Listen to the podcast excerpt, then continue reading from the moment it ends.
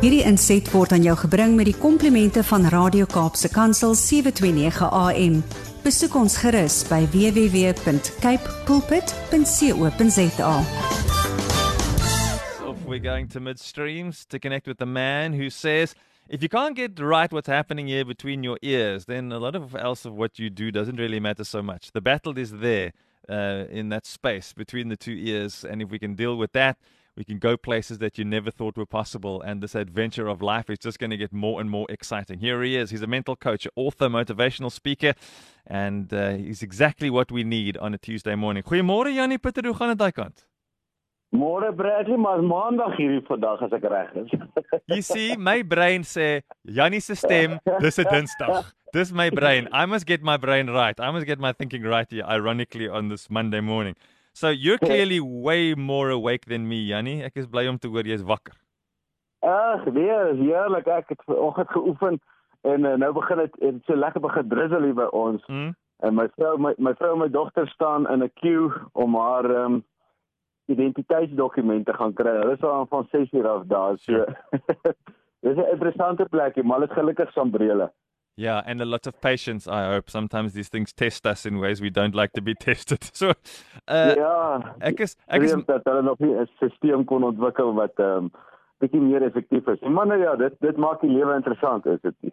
uh, Jannie, jy het weer 'n mindset vir die week. Hierdie een is nog 'n moeilike een, soos daai een van tradisies. Ek dink vir party van ons is dit 'n bietjie moeilik. We like being comfortable, Jannie. What must you come and upset us now?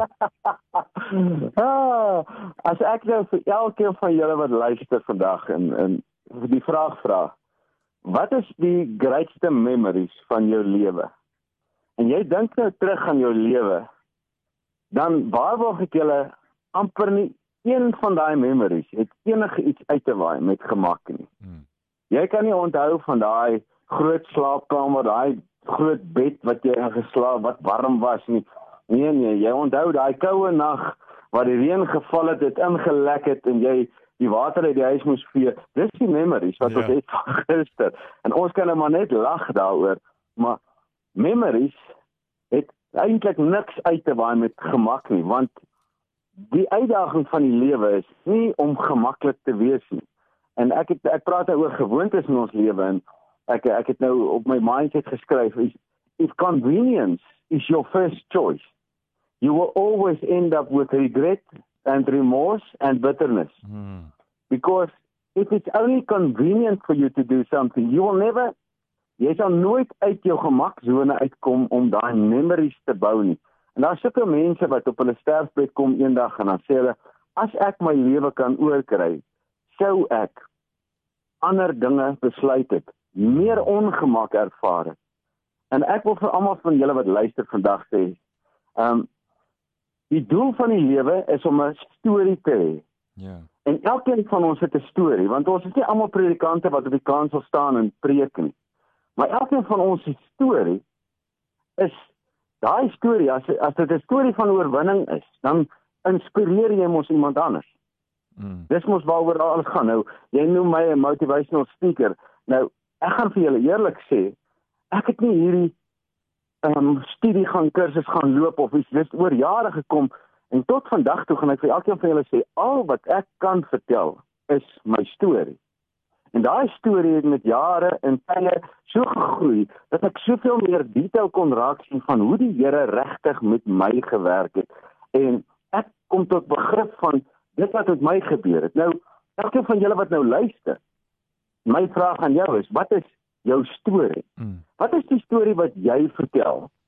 of wat jy aan jou kinders kan vertel. Al is dit net aan jou kinders. Jy weet jy hoef nie aan die wêreld dit te gaan verkondig nie die voorreg wat die Here vir mens gee om uiteindelik 'n platform te hê waar vlak jy kan praat, dit groei met tyd. Ek het nie hier gekom, ek sê 'n spreker vandag een af nie. Een, as ek vir julle die, die verhaal moet my storie moet vertel oor hoeveel keer dan dan weet ek net Here gee my net een praatjie in 'n maand, laat ek net iewers inkomste kan kry. Hmm. Ehm um, en hoe daai pad gegroei het en waar waar dit nou vandag 'n totaal ander storie is, natuurlik. Maar jy hoor wat ek sê. Dis 'n storie.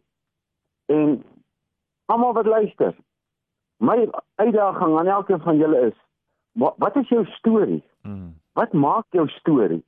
En as jy net keuses maak rondom die gemak van jou lewe, dan wil ek jou waarborg, you own you don't have a story. Jy, jy het geen storie. Hmm. In gemak is daar geen storie.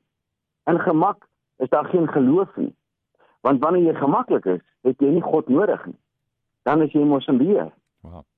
Nou wanneer mens God nodig het, dan beteken dit ek lewe avontuur. Ek het onsekerheid. Ek is nie seker oor wat kom nie. Ek maak besluite, maar ek maak hulle in geloof.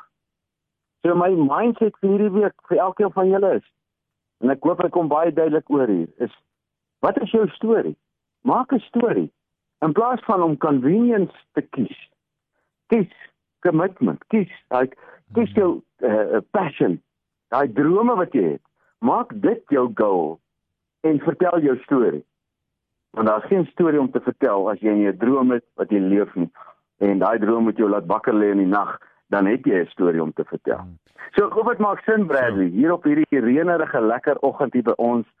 Ag, dit is so beautiful. Ek kan nie vir julle sê nie en ek het my um, appelkoesboom se hare alles afgesny met 'n nommer 1 klipper. My vrou was bietjie teleurgestel. Uh -oh want die kaalkop het deurgekom maar maar my appelkoesboom se lang takke is gone en hy gaan nou weer sterk takke groei. Want ek was te nice met hom. Mm, ja. You know, uh, Janie soos jy nou praat, is dit eintlik moeilik vir mense want da, uh, kom ons praat van 'n testimony. Mense wil hê ek het 'n testimony, maar hulle sê ek daar daar het nie eintlik dinge gebeur in my lewe wat moeilik is nie. So hoe what kind of a testimony can I have because people aren't going to see why there was me so far away from God, you know, making these terrible mistakes and then coming back. And they say, well, you know, I've I've I've walked alongside God and I've had this relationship with God, and it's actually been this most beautiful thing. That in itself is also uh, because if you had a, were in a comfort zone in your relationship with God, there wouldn't be anything to talk about. But the fact that you are there, that you're working on a daily to have a fantastic relationship with God, that in itself is a testimony because not many people can even do that. So mense mense dink ek iets slegs moet met my gebeur of ek het nie 'n storie of 'n testimony nie. Nee, Brad, jy is 100% reg. You don't have to have a, um, a battle to mm. have a testimony. You just have to have a commitment to have a testimony. Yeah. Ek meen, hoe gaan jy 'n verhouding met God bou as jy laat slaap in die oggend? Mm. En, en, vertel gou vir my, hoe kan jy 'n verhouding bou as jy nie opstaan vroeg in die oggend en kontak met die Here maak nie? Daar's nie 'n testimony in die gemak van laat slaap nie. Ja. Ja, wanneer jy wanneer jy sê ek staan elke oggend 5 uur op of 6 uur of maak nie saak watter tyd nie. Maar iewers moet jy 'n besluit maak. Wat is jou commitment? En as jou commitment jou jou ehm um, motivering is, dan beteken jy skryf 'n storie. Ja. Want om om daai storie te skryf, gaan jy energie moet vat, jy gaan opstaan, jy gaan dinge moet doen. Jy sal moet luister na die stem van die Heilige Gees. Ek meen, hoe maklik is dit om na 'n vreemdeling toe te stap en vir hom te sê, "Luister, die Gees druk dit op my." Dat die Here vir jou sê hy's lief vir jou. Hmm. Dis nie flip en maklik nie. Ja. Dis moeilik. Dit vat courage. Ja. Nou, wanneer jy dit een keer gedoen het of twee keer gedoen het, dan gaan jy begin sê maar nou raak dit eintlik makliker, maar nou kan ek 'n storie vertel om te vertel hoe moeilik was my eerste keer om dit te doen. Mhm. Mm so, ja, daar's altyd daar's 'n gesegde wat sê there's no test, there's no testimony. Correct. So, when we come in front of tests, remember, that's your testimony that's coming.